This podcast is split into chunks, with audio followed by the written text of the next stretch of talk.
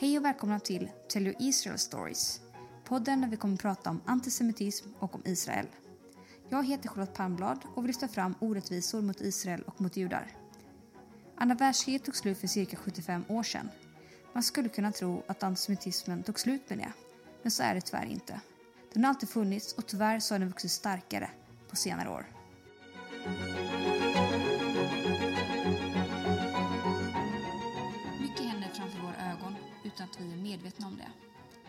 Tyvärr gör att de inte är uppmärksammade så växer det onda och det enda som behövs för att antisemitismen och all sorts ondska ska växa är att just de som är emot är tysta. Jag tänker inte vara tyst. Idag fick jag träffa Rebecka. Rebecka är en tjej jag lär mig mycket av. Hon är beslutsam och låter inte något stå i vägen. Hon är en svensk tjej som valde att flytta till Israel både för att vara med i armén och att plugga.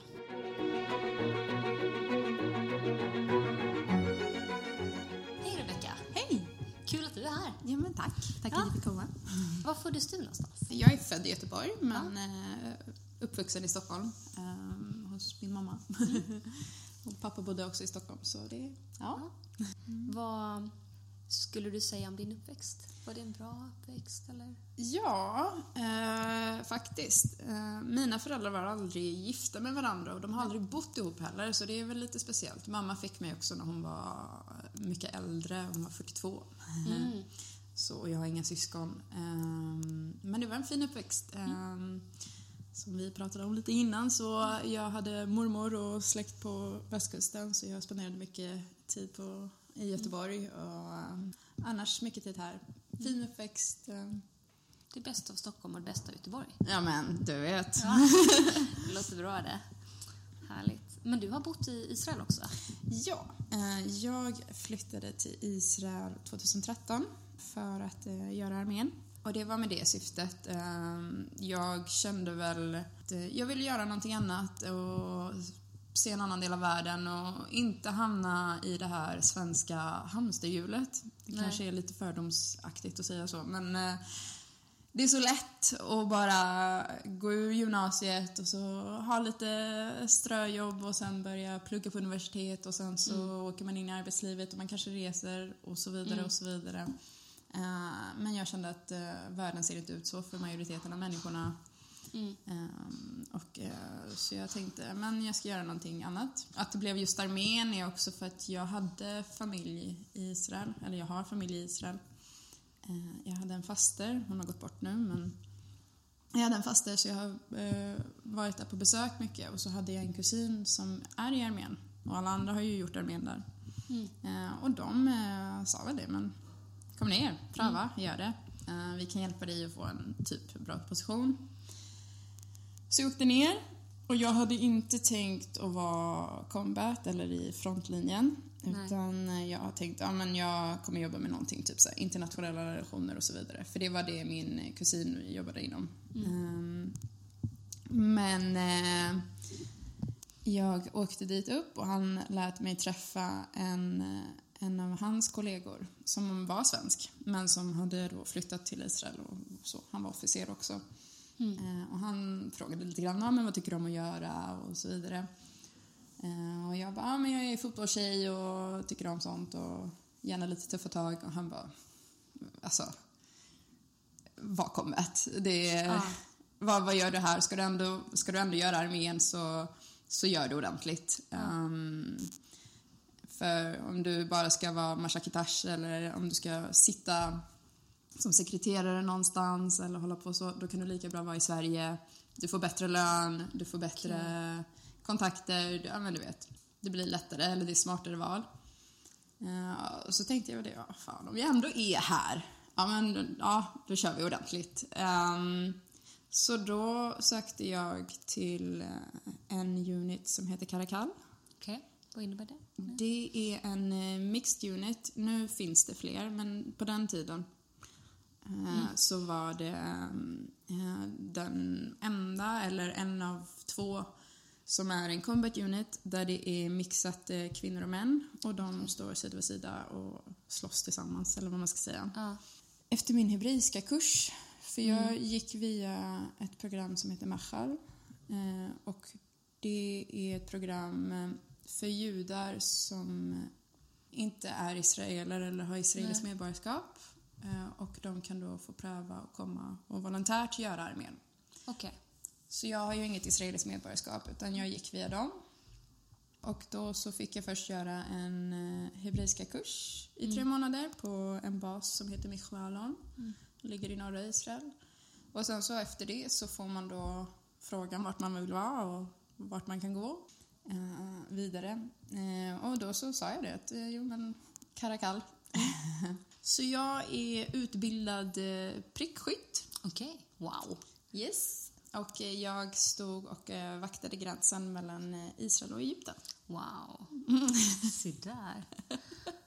Oj, ja det var häftigt. Ja, det är lite annorlunda. Så jag, jag fick den där annorlunda erfarenheten och inte svenska hamsterhjulet.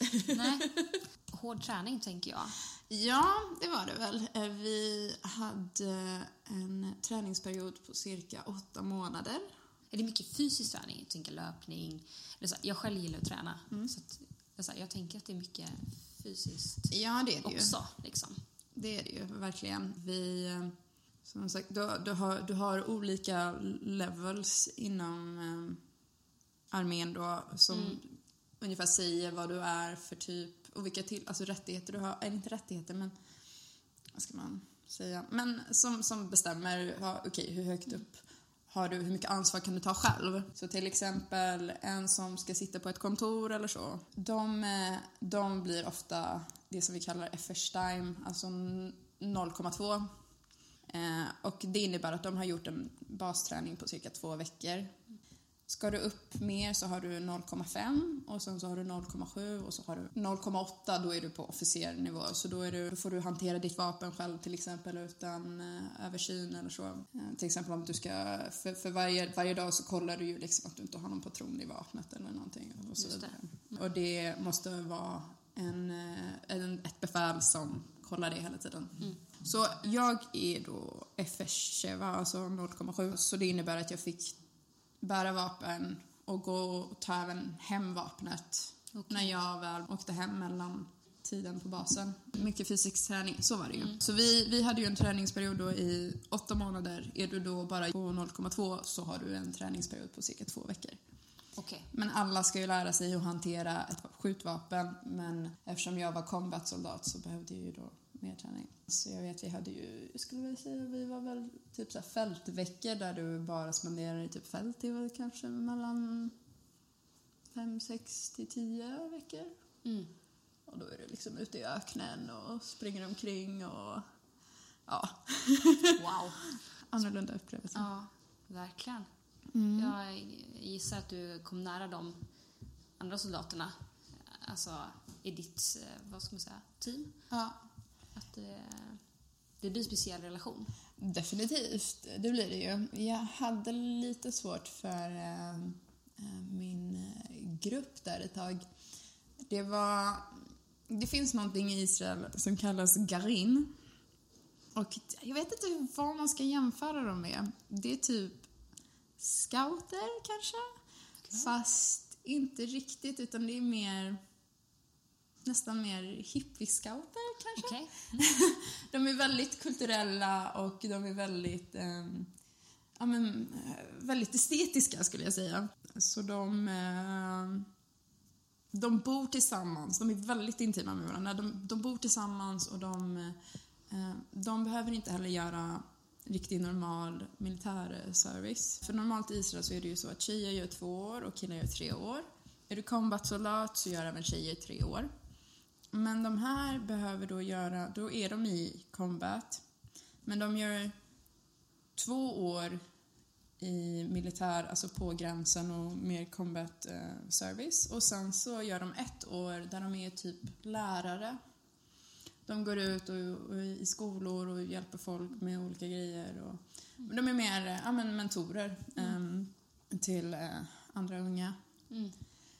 Och när de bor tillsammans och de är väldigt en tajt grupp redan från början så är det väldigt svårt att ta sig in på ett sätt. För, för jag kände när, när, jag, när jag kom in i armén så kunde inte jag någon hebreiska.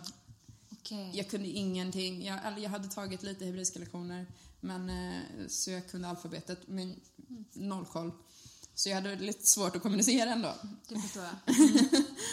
Så eh, jag insåg inte riktigt att de var i samma grupp förrän lite senare när jag började fråga, men vänta, är du också Garin?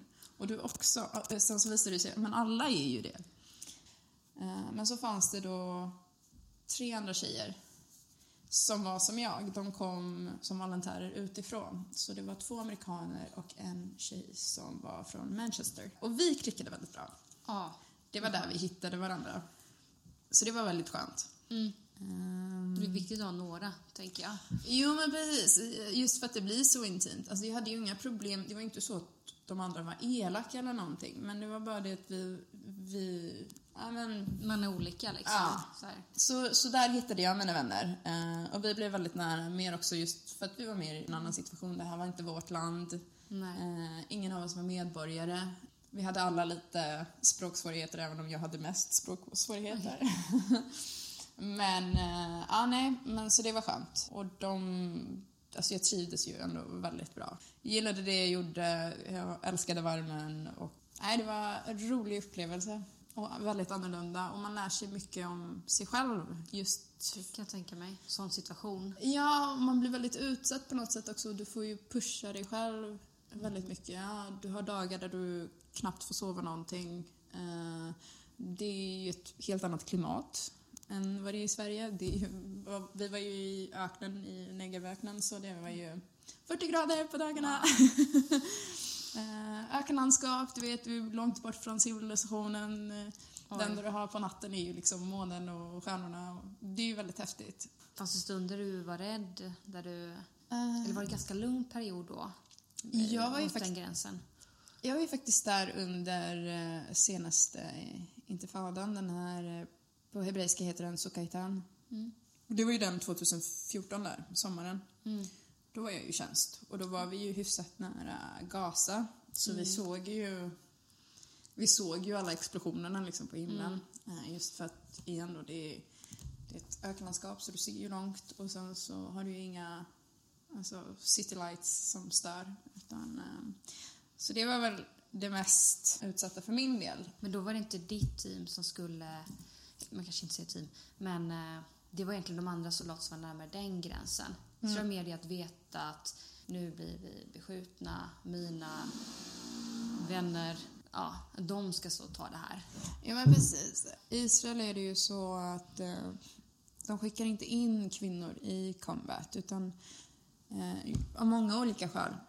Mycket just också för att nej men det vi är mer utsatta på ett sätt. Våldsmässigt, man kan våldta en kvinna och, och eh, så. Så det är mycket lättare, det är en svårare situation att skicka in en kvinna i, i strid på det sättet. Och sen så är det ju fysiska fysiska skillnader. En man är i majoriteten ofta starkare än en kvinna. Och ja, de, då är det bättre att skicka in män.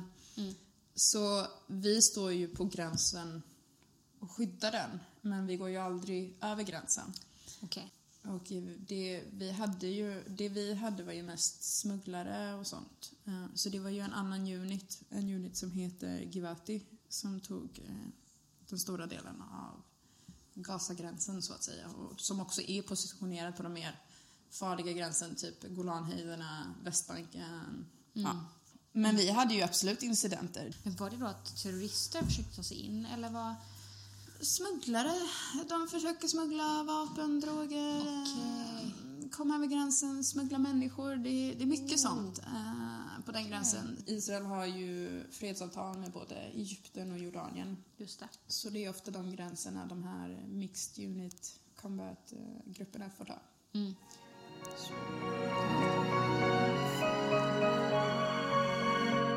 Men sen efter armén, då blev du kvar i Israel och pluggade?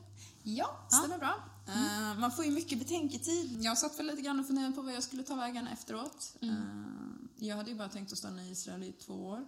Nu blev det sex. Ja. Så det är skillnad. Och nu är jag här i Sverige. Mm. Försöker söka jobb. Mm. Och det är helt omöjligt. Nej.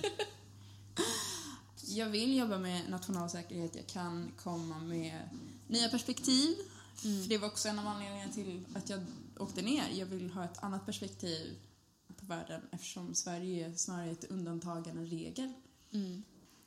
Vad är största skillnaden mellan... eh, Jag menar, nu har du bott i Israel i sex år. För de som kanske bara har varit som turist eller aldrig varit där. Det är ju ett fantastiskt land. Men att bo där, vad, vad är största skillnaden? Ja, alltså... Det var ju roligt, för när jag pratade om att jag skulle åka ner och göra armén i Israel så den första reaktionen var ju, som jag fick var Men vadå, är det inte krig där nere? Ja. Jo, det är det. Men, men du märker ju inte av konflikten på ett sånt sätt. För många, alltså, för många ser ju just det här som vi ser på nyheterna, ja, men en krigszon. Mm. Det är ruiner och det... Så, och, och jag är så här, jag har ju ändå varit i Israel ett par gånger då innan och, och hälsat på min familj och bara, men det, du märker knappt av konflikten när du väl är i landet. Det du ser är väl alla säkerhetskontroller och så, men du vet, när du ska in i ett köpcenter går du igenom en liksom, metalldetektor. Samma sak om du ska in i tunnelbana eller, eller tunnelbana, men tåg och, och så vidare, eller större platser där det är samlas mycket människor, så har du mycket security, du har eh, mycket militär och eh, armémänniskor som går omkring på gatorna och mycket, eh, men säkerhet. Det är väl största skillnaden, men annars så märker du inte av det.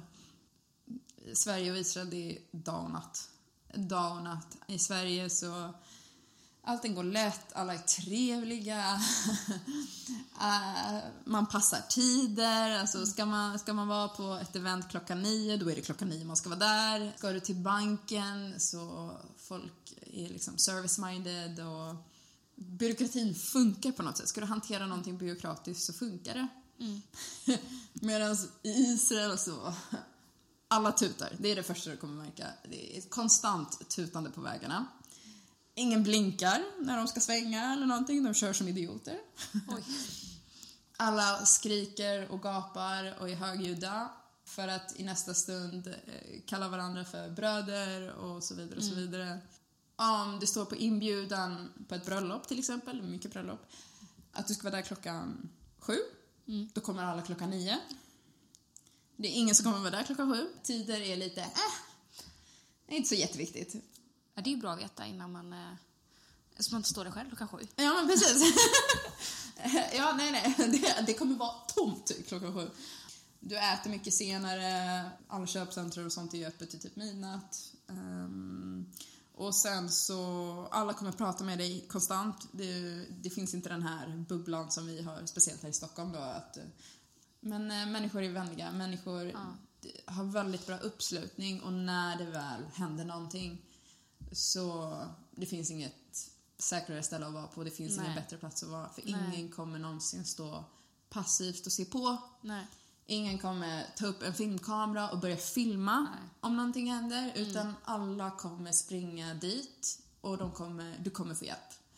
Och det är någonting jag verkligen respekterar med israelerna. De är fruktansvärt hjälpsamma om det behövs. Och de kommer alltid finnas där. De kommer, eh, de kommer aldrig stå bredvid, bredvid passivt och inte göra någonting. Och det är en större Medmänsklighet på ett annat Ja, sätt. men det är ju också just kanske för att de lever i en annan situation för dem i det här vardag. De lever konstant under ett, ett hot på ett eller annat sätt. Att det är någon som alltid vill göra dem illa. Och då är det ännu viktigare att det blir en stor uppslutning. Det spelar ingen roll vad FN sitter och säger eller att alla andra länder sitter med pekpinnar och säger ni borde göra så här och gör så här. Och, ja, de har lärt sig från början att när det väl gäller så är det ingen annan som kommer stå och rädda dem. Utan eh, man får rädda sig själv och då, då skiter man i vad alla andra säger. Ja. Känner du dig trygg i Sverige eller hur kan du känna när du är här? Jag har ju ändå någonstans, peppa peppa ta i trä, men jag har väl ändå någonstans haft väldigt tur. Jag har växt upp i ett bra område. Jag har haft tur med bra föräldrar som de har alltid älskat en för den man är. Eh, Även om jag och min pappa har väldigt olika åsikter om mycket. Så, så jag, har väldigt, jag har växt upp i en väldigt trygg miljö. Det jag kan känna i Sverige är väl just... Jag litar inte på... Jag litar väl inte riktigt på myndigheter på samma sätt. Eh, längre heller efter det jag ändå har, nej men efter min tid i Israel att där vet jag att även om jag riskerar mitt liv som till exempel soldat så vet jag att det kommer alltid finnas hjälp. Alltså jag, jag, jag litar på att även om jag kanske inte är israelisk medborgare så tror jag ändå att den myndigheten skulle kämpa för att, men för att rädda mig ifall mitt liv var i fara, ifall jag blev kidnappad och så vidare och så vidare. Mm. Uh, Medan här i Sverige så vi har inte samma kämpaglöd. Jag tror att vi, vi har blivit för bekväma. Mm. Vi har levt i ett tryggt samhälle och allting har varit så tryggt och säkert för oss så länge att vi behöver inte, vi behöver inte skydda oss på samma sätt. Um, och då blir det annat som blir prioriterat. Och det kan man också se, men det känns lite grann som att, nu vet jag ju inte riktigt exakt hur det är, men det känns som att polisväsendet får inte den ekonomi de behöver. Samma sak med sjukvård, samma sak mm. försvaret. Jo, jag känner mig trygg i Sverige, men uh, jag tror inte... Jag, jag, jag, känner mig tryggare i Israel, det gör jag. Mm. Det spelar ingen roll att det är en konflikt där. Och sen så tror jag också att vi är väldigt naiva på något sätt. Och det är väl inte nu ska man inte dra alla över en kant, men det är väl inte svenskarnas fel på sitt sätt, men just det här igen att vi är så vana vid den miljön vi har levt i. Vi har levt i ett tryggt samhälle så länge att vi förväntar oss inte att någonting kommer hända. Det är lite den här, ja men det kommer inte hända oss, eh. Mm. Men en vacker dag så kommer det hända och då står vi där och vi kommer nog stå väldigt handfallna och vi kommer nog ha ett väldigt passivt beteende, tror jag. Mm. Men vad vet jag? Vad möter du eh, för fördomar? Eller möter du fördomar? jag tänker allt från att du varit i Israel, ja, du är judinna. Kan du möta Alltså jag har väl, eh, igen då, jag har vuxit upp i en väldigt trygg miljö så jag har inte, jag har inte haft så mycket människor som har ag alltså, varit aggressiva eller någonting. Det, det, det, det mesta jag har mött i så fall är väl... För det första blir folk väldigt chockade ofta när de säger att mm, har du varit Israel? Men är det inte krig där? Alltså som sagt, ja. igen. Det är den första. Mm. Och sen så, har du gjort militärtjänst? Och då kan folk bli lite fundersamma och, och tycka att det kanske är lite konstigt och, och på grund av de fördomar man har mm. om Israel och så. Men folk skulle jag nog ändå säga är mest nyfikna. Mm. Och jag tror ändå... Ja, men det är skönt. Jag tror de ändå vill på något sätt förstå varför har jag gjort det. Men jag kan ge dem ett annat perspektiv. Um, sen så absolut så kan de vara lite så här, ja men stackars palestinier då, tycker du inte att, ja, men det är synd om dem och så kan man ju inte bete sig och så. Men, men ofta så är det mest okunskap de har inte koll på läget och det, det har väl inte jag någon fördom för, gentemot dem just för att jag har inte koll på vad som händer i typ Sudan eller Rwanda eller någonting. Jag har ingen mm. aning om alltså, vilken konflikt som begår, alltså, pågår där. Men då tror jag att det viktigaste är att folk måste vara open-minded och någonstans också veta med sig att okej, okay, jag har inte koll på den här konflikten. Det här är det jag har hört. Stämmer det? Stämmer det inte? På mm. vilket sätt då? Okej, okay, hur intresserad är jag av att argumentera för min åsikt eller min sak och, och så vidare. Och hur lätt kan jag då eh, acceptera att min åsikt kanske inte stämmer överens med hur det är? Mm. Eh, det väl mycket sånt. Eh, jag, sen så har jag en liten... Eh, alltså jag, skulle, som sagt, jag känner mig mest svensk, om man får säga mm. så. Mm. Jag har inte vuxit upp i ett judiskt hem. Nej. Jag firade jul, jag firade påsk, jag firade internationellt, eller vad man ska kalla det, nyår och, mm. och midsommar och valborg. Jag firade aldrig hemma Pesach mm. eller Rosh Hashanah eller Chanukka. Mm. Så jag ser mig inte riktigt som judinna. Nej. Jag är ju mest judisk genom pappa och enligt judendomen så är det ju mamman som ska vara judinna och barnet blir då automatiskt jude eller judinna. Uh, min pappa är ju den som var jude, eller som verkligen har haft närmast inom den judiska släkten. Mamma är tekniskt sett judinna, men det är lite längre bak. Är, okay. min mormors mormor var judinna och eftersom det går via mamman så är det ju då, då är vi judinnor allihopa. Men eh, både min mormor och mamma är både döpta och konfirmerade i Svenska kyrkan. Jag är döpt, jag är inte konfirmerad. Jag, Jag har inte riktigt känt en liksom, connection. Däremot så, eh, faktiskt idag så såg jag eh, på Instagram en kompis la upp en bild. Eh, han hade nyligen varit i Auschwitz. ehm, och just liksom skrev det här om att man, man ska ändå komma ihåg liksom vilken, vilken fight det judiska folket har haft och, och vilken liksom... Han skrev det att det, det, det, det berörde honom väldigt eh, och har varit där eftersom han då, ja men det här är en kompis från Israel då, som är jude och så. Och där och då så känner jag väl också, jag har ju också familj som jag har förlorat i, i förintelsen och, och så vidare. Min, eh, min pappa är från Polen och min farmor var kommunist under eh, andra världskriget och behövde fly på grund av det, plus att hon då var judinna. Så de flyttade till Kazakstan. Men just där och då så känner jag väl ändå, okej, men jag gjorde armén och för mig har det ändå betytt någonting att jag kanske inte gjorde världens längsta armétjänstgöring och inte en hel armétjänstgöring men jag har ändå gjort någon typ av duty eller service för det judiska folket och jag bryr mig om det judiska folket Självklart. och det spelar ingen roll vad FN eller EU eller andra länder säger att pratar om gränser och så vidare. De har ingen aning, enligt mig. Och eh, det är oerhört viktigt att Israel finns Oh ja. och att det får fortsätta finnas och att de ska ha kontroll över de gränser de har. För historier upprepar sig och vi vet inte när nästa förintelse eller massmord eller massaker kommer hända igen och jag menar förintelsen är väl kanske en av de större massmord som ändå har fått ljus på sig för att det var så extremt på ett så industri, industriellt sätt. Mm. Men eh, massaker händer överallt. I fler länder, på stora skalor. Men Israel har någonstans satt ner foten och sagt aldrig igen. Mm. Inte vår befolkning. Och det är otroligt viktigt och där känns det också väldigt bra att ja, men jag har inte gjort mycket men jag har gjort någonting. Mm. Och det är väl min eh, största connection med den judiska sidan så att säga. Pratar ni någonting om, eh, om andra världskriget, om förintelsen hemma? Är det någonting som ni... Eller är det mer att man inte vill prata om det? Alltså det där är en svår fråga för eh, min mamma var som sagt väldigt gammal när hon fick mig. Så min farmor gick bort när jag var tio. Och hon var då också ganska så dement om jag kommer ihåg rätt. Så jag har inte så mycket minnen av just farmor eller att jag hade någon konversation med farmor. Nej. Utan farmors historia fick jag mest berättat för mig från pappa.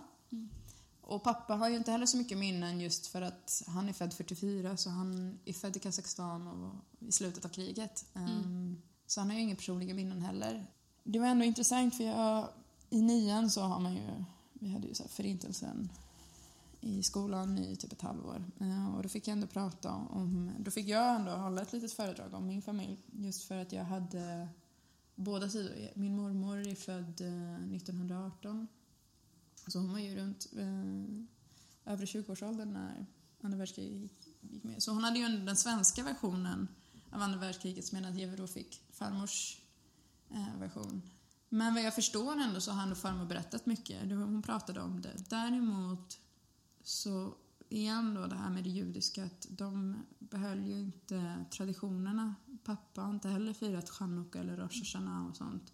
Och det kan jag tro, eller jag antar, att mycket är det på grund av men förintelsen, eller andra världskriget. Det som hände där, att man inte vill någonstans skylta med det. Att man är jude, att det är bättre att ha det lite hasch-hasch. Jag vet att farmor brukade lura pappa och hans bröder att du får ont i magen om du blandar kött och mjölk.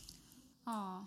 Eh, så man får inte dricka mjölk till kött eh, och, och så vidare. Att man håller på korser, alltså matreglerna. Mm. Eh, men inte mycket mer än så. Nej. Eh, vad jag har förstått. Och det vet jag att pappa ibland kan känna att han att han saknar det lite, att han missar, att han, jag tror han har en större identitet som jude än vad jag kanske känner. Mm. Eh, och att han nästan blev lite berövad av, av den identiteten. Mm. Det är väl lite så jag känner med just Mm. judendom och så. Mm.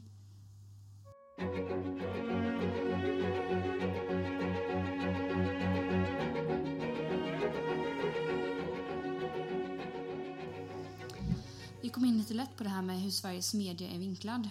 Mm. Eh, men jag tror att många i eh, Sverige, de, jag tror inte de ser det eller förstår det. Utan de tänker att ja, men, nyheter och vare sig du läser eller lyssnar, att det, det är liksom bara någon som berättar så här var det eller så här är det. Men att man kanske inte ser att ja, men, den personen eller det eh, ja, men, företaget väljer att se det lite åt ena hållet. Ehm, hur, hur skulle du förklara det? Ja, hur, hur ser du på svensk media? Eller liksom, Ja, alltså oj. Eh, Jag ser ju svensk media som... Det här kanske låter väldigt extremt. Och så extremt ska det väl inte vara, men jag ser väl lite grann. Svensk media är djävulen själv alltså. Eh, Nej, men jag tror svensk media är boven i många draman. Och det behöver nästan inte vara endast svensk media, utan jag känner väl mycket media generellt idag. är vi har så mycket sociala medier också och, och det är så lättillgängligt nu att få tag på information. Men det är också så många som kan, som kan ge den informationen. Och då är det lätt att glömma vem är det som ger informationen. Vem är det som står bakom den informationen vi får. Det kanske är lättare att vara källkritisk när det kommer till någon privatperson på nätet som skriver någonting. Men när det kommer till media generellt, stora företag, Aftonbladet, Expressen, DN, Svenska Dagbladet, alla de här. Mm. Jag tror det är svårt för folk att inse att det här är ett företag. Precis som alla andra företag så vill de tjäna pengar. Eh, det är ändå någonstans ett huvudsyfte. Även om de absolut har rapportering och deras eh, grej är att ja, men, ge folk information om vad som händer i världen. Eh, men återigen då, det är fortfarande en person som sitter och skriver det här.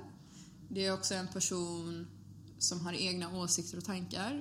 Och även om den personen borde vara opartisk ehm, så ehm, är de nog inte alltid det. Eh, och man får inte heller glömma att en bra story säljer bättre än en sann story. Ingen tycker om att sitta och läsa en faktabok utan folk tycker om att sitta och läsa en skönlitterär bok med, eh, med eh, den onda och de goda och de slåss mot varandra och så vinner de goda igen i slutändan. Eller en tragisk story där stackars lilla gubben och ja, det är så synd och de blir, det här, de blir kränkta av den stora övermakten och de måste fightas och ja men du vet. Och det kan jag bli riktigt förbannad över många gånger man eh, slår upp en artikel och då kanske speciellt då Israel-Palestina-konflikten, för det är den konflikten jag kan för det första relaterar mest till och har mer vetskap om än, som sagt, Rwanda eller Sudan eller någon annan typ av konflikt. Jag har ingen aning om vad som händer i de länderna. Jag vet vad som händer i Israel, jag har bott där i sex år, jag vet hur samhället fungerar, jag vet hur människorna fungerar. Jag vet väl också någonstans vilka regler som gäller inom armén. Eh, hur lång tid det tar innan du faktiskt får skjuta någon typ av verksam eld. Vilka steg du ska gå igenom. Och sen så läser man någon fin rubrik i DN eller vilken tidning som helst och ah, Israeler anfaller Gaza i natt eller eh, och så vidare. Och sen så fortsätter man att läsa artikeln. Ja, men först så hade ju då Hamas skjutit 300 raketer mot Ashkelon och Israel och sen så svarade israelerna med ett flyganfall. Men det får man ju inte ut ur, ur rubriken utan i rubriken så verkar det ju som att ja, men Israel hade lite tråkigt så de beslutade sig för att göra ett flyganfall och ja men hoppsan några civila dog liksom. Ja okej. Och det är klart, då, fan, då hade jag också blivit förbannad om jag skulle se att ett land tar sig friheten och bara anfaller någon som alltså, oprovocerat. Det, det, det är inte okej någonstans. Ja, men det är lätt då att glömma, okej vad är det för bakomliggande orsaker? Har det varit oprovocerat? Är det provocerat? Och det värsta jag vet är när media sitter och räknar dödsoffer. Som att det skulle vara något bevis på vem som är ond och vem som är god. Mm. Ja, men, eh, på den palestinska sidan är det 200 personer som dött och på den israeliska sidan är det sex personer som har dött varav alla är soldater. Då är det mm. någonstans liksom mer rättfärdigat att ja, men sex soldater är mer okej att döda än 200 civila personer. Ja, men igen då, fråga dig varför. Varför är det så? Vad är anledningarna? En av anledningarna kanske är att ja, men, Israel och israeliska armén är där för att skydda sin befolkning. Det kanske finns en anledning till att det inte är några civila som har dödat just för att IS, alltså IDF då, och den israeliska armén har stått och beskyddat dem. De har ett eh, raketsystem som heter The Iron Dome som skjuter ner raketer mot raketer som kommer då från Gaza och som är siktade då på civilbefolkningen. Man måste också komma ihåg vilka är det som slåss. Ja, men I Gaza och... Alltså mellan Gaza och Israel så är det ju då en terrorgrupp, Hamas, som slåss mot en nationsarmé. Det är väldigt stor skillnad. Det är inte jämlika, det är inte jämlika parter. Men det är ju också för att Hamas har inget ansvar att skydda sin befolkning. De skiter fullständigt i sin civila befolkning. Det enda de vill göra, och deras enda syfte, är ju att göra illa Israel så mycket som möjligt. Medan den israeliska armén har ett väldigt mycket större ansvar. De är där för att skydda sitt land, de är där för att skydda sin befolkning och de kommer göra allt de kan för att också skydda den andra civilbefolkningen. Och inte då, de siktar inte på civila ja, skolor eller... Mm. Det, det, är inte, det är inte intressant för dem. De mm. vill åt Hamas mm. och de, den lilla terrorgrupp då som ändå gör så pass stor skada. Och då är det också intressant att veta att men Hamas, som då inte har något ansvar, för det är enligt internationell lag så är det inte lagligt att, att sätta militära mål på civilbefolkningen. Det är inte, det är inte okej att sätta raketbeskjutningsramper på skolor. Nej. Det är inte okej att sätta det på civilas bostadshus. Det är inte okej att sätta det på sjukhus. Nej. Men Hamas behöver inte förhålla sig till de reglerna. Helt andra spelregler.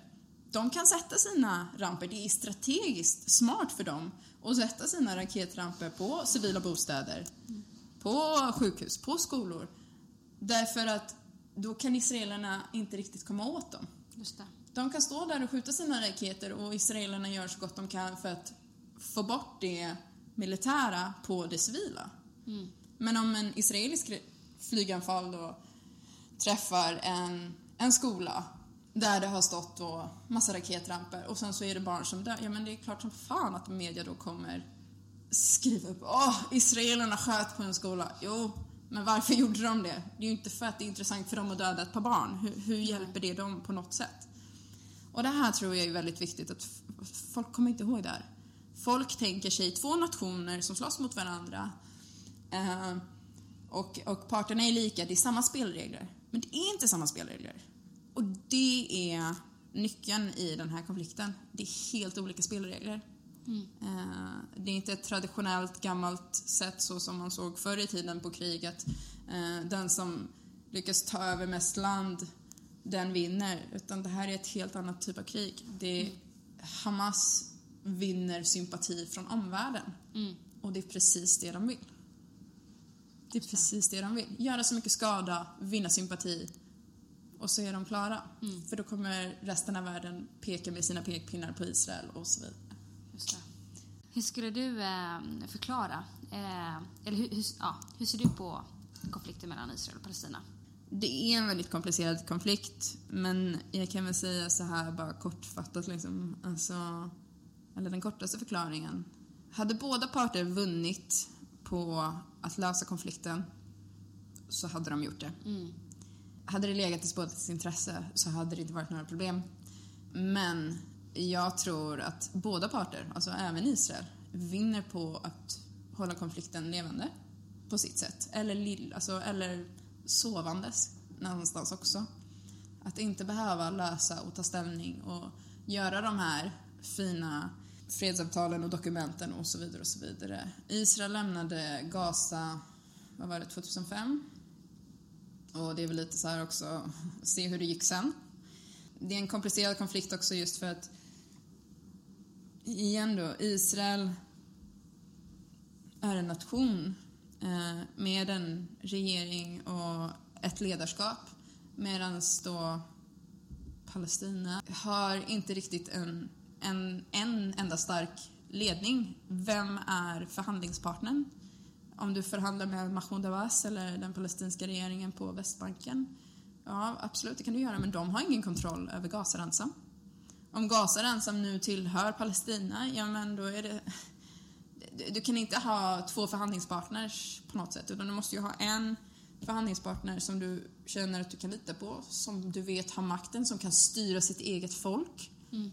Och har du inte det, ja men vem är det då som har kontrollen? Då spelar det ju ingen roll om, om eh, Bibi Netanyahu och Mahmoud Abbas kommer över fina, fina avtal och så vidare. Om ingen, om Mahmoud Abbas då på sin sida inte kan se till att det avtalet hålls. Just det. Mahmoud Abbas har ingen kontroll över Hamas. Hamas eh, är en terrorgrupp. Hamas är väl inte så intresserade av ett fredsavtal med Israel. De eh, tjänar ju på de tjänar ju mer på att inte ha det. Mm. Också som sagt viktigt att komma ihåg att konsekvenser av det man gör. Ja, men, om palestinierna då vinner sympati från resten av omvärlden och det är så synd om dem, ja då får de massa bidrag, bland annat från Sverige. Väldigt mycket bidrag och mycket pengar. Var tror du de bidragen går? Till att bygga upp landet? Nej, knappast. Nej, går till de där överhuvudena som sitter där i regeringen och riksdagsmän och så vidare, whatever you wanna call them. Eh, de tar alla pengar och lever det goda livet medan befolkningen då, ja men, inte får några jobb, lever i sönderbombade bostäder, kan inte få en ordentlig utbildning, får ingen ordentlig sjukvård, saknar sjukvårdsprodukter och så vidare. Och det Många älskar att skylla på Israel, att det är Israel som ockuperar och det är Israel som förstör palestiniernas liv. Men absolut, Israel kanske har ett litet finger med i spelet men det är inte deras ansvar att ta hand om den palestinska befolkningen. För det är inte... Ja, de har kontroll över gränserna och de ser till vad som kommer in och ut. Men det måste ju också då ligga någon typ av ansvar på den palestinska regeringen. Det är ju den palestinska regeringen som bär det yttersta ansvaret för sin egen befolkning. De ska se till att de resurser de får faktiskt hamnar på rätt ställe. Mm, det är klart. Och det känns det som att det är väldigt många som glömmer bort. Det är så lätt att sitta och peka finger på Israel som den stora stygga vargen. Mm. Men eh, nej, jag tycker det, det, är för mycket pekande på Israel och för lite konsekvens från, eller liksom krav på den palestinska regeringen. Mm. Mm. Och där ligger det, det största problemet, enligt mig. Igen, sluta dalta. Mm. Det här är vuxna människor. De vet precis vad de håller på med. Det är inte synd om dem på något sätt, tycker inte jag i alla fall. De har säkert ett konsekvenstänk, men det gäller också att ställa krav. Om du bara sitter och får pengar, inte fan kommer du gå till jobbet då. Nej. Varför ska, du, varför ska du gå till jobbet om du kan tjäna pengar genom att bara sitta hemma? Det blir ju mer jobb för den palestinska regeringen att faktiskt ta tag i saker om de slutar få sina bidrag. Vad händer då? Då måste de helt plötsligt tjäna pengar. Var ska de få pengarna ifrån? De måste få saker och ting att funka. Mm. Och då kan man inte sitta och skylla på Israel längre heller. Sluta ge palestinierna pengarna, eller ställ krav. Begär, vart går pengarna? Kan vi se att det faktiskt händer någonting? Går de till rätt saker? Eller kommer alla de här cementpåsarna som, som skickas till Gazaremsan, hamnar de i, i tunnlar som byggs under till israeliska, alltså under gränsen till Israel Mm. som terrortunnlar? Eller kommer de faktiskt till lokalbefolkningen och bygger upp deras hus? Mm. Eller bygger skolor? Vad är det som händer i skolorna? Är det propaganda då om, om att hur man ska döda en jude på bästa sätt? Är det såna, såna läromedel? Eller är det faktiskt, okej okay, det här är en demokrati, så här vill vi att saker och ting ska se ut. Mänskliga rättigheter, alla lika värda. Är det sånt som lärs ut eller är det, ja men, sånt? Eh, har skolan raketer Mm. under sig? Mm. eh, Används det som liksom vapenförråd och sådana grejer, som terrorförråd? Eller används det faktiskt som en skola där det finns läroverktyg eller material? Mm. Sådana frågor. Hur kan man inte ställa sådana krav? Det är så grundläggande. Men det känns inte som att, nej men det är inte viktigt. Nej. För igen, det är mycket lättare att peka finger. Det är mycket lättare att hitta en bov i dramat än att ta någon typ av ansvar själv. Så nej, det, det är en komplicerad konflikt men små medel kan göra mycket och kan förändra spelreglerna. Mm. Och eh, jag tycker det behövs, men det är ingen som är tillräckligt intresserad Nej. för att göra det. Mm. Och det är ett problem. Vad tänker du att man kan göra för att eh, motverka, jag tänker både på antisemitism men också liksom motverka eh, ja, men all negativ media mot Israel? Eller så här, vad, vad tänker du att man... Eh, Alltså hur man kan förändra synvinkeln hos folk. ja, Först och främst så är det väl också hur stort intresse har folk. All typ av rasism är fel. mm, Eh, och jag tycker det är illa. Det är klart att man alltid har fördomar mot folk för vi sätter folk i fack. Det är så vi fungerar som människor. Vi, Mm. Även undermedvetet att ha någon typ av ordning. Och när det kommer till just antisemitism så tror jag att först och främst är det viktigt att lära ut om grundläggande mänskliga värderingar. Mm. Att alla människor är lika värda. Ingen, alltså, man ska egentligen inte bete sig illa mot någon. nej. Och kan man få in de värderingarna så tror jag att resten faller på plats Mm. egentligen. Det är en svår fråga, antisemitism, det är en väldigt svår fråga. Men lära ut om förintelsen. Jag tror det är viktigt att, eh, att det finns samarbete, kanske då framför allt mellan det ju- judiska liksom, community Mm. och menar, det muslimska community. Mm. Jag menar, det finns ingen som är egentligen så lika som de två religionerna. Och man måste arbeta därifrån någonstans. Men vad drömmer du om? Oj. Ett jobb vet jag ju, men... eh, Det är en väldigt stor fråga. Om vi säger så här, alltså för mig själv så drömmer jag väl om ett jobb där jag faktiskt kan få vara en brygga mellan Israel och Sverige. Mm. De har väldigt dåliga relationer just nu. Mm. Jag tycker mycket på grund av Margot Wallström. Mm. Men eh, jag ska väl inte lägga all blame på henne. Det är absolut inte bara hennes fel. Men eh, förbättra relationer där. För jag tror länderna har mycket att lära av varandra. Just för att de är så olika. Man ska ta vara på folks olikheter. Mm. Eh, Jätteviktigt, för då kommer man framåt. Jag tror aldrig att vi kommer ha en värld som är alltså, fredlig. Vilket kanske låter väldigt cyniskt och väldigt tragiskt. Men jag tror grundkonceptet för att få fred är att eh, acceptera och respektera varandra. Mm. Och det spelar ingen roll vem du är eller vad du har för religion. Eller vad du har för värderingar. För har du den grundläggande tanken så tror jag att det, då kommer du automatiskt att vara fredlig. Mm. Och då kommer du få fred. Och det kommer aldrig, det kommer aldrig ske att alla tycker och tänker så. Vilket är väldigt synd. Ja, verkligen. För det är så lätt Ja. acceptera varandra och, och respektera varandra. Det behöver inte betyda att man ska ha samma åsikter, Nej. men man kan respektera att någon annan har en annan åsikt och att man inte behöver hålla med. Nej. Och det är grundläggande. Så det är vad jag drömmer om kanske. Mm. Det låter ju grymt bra.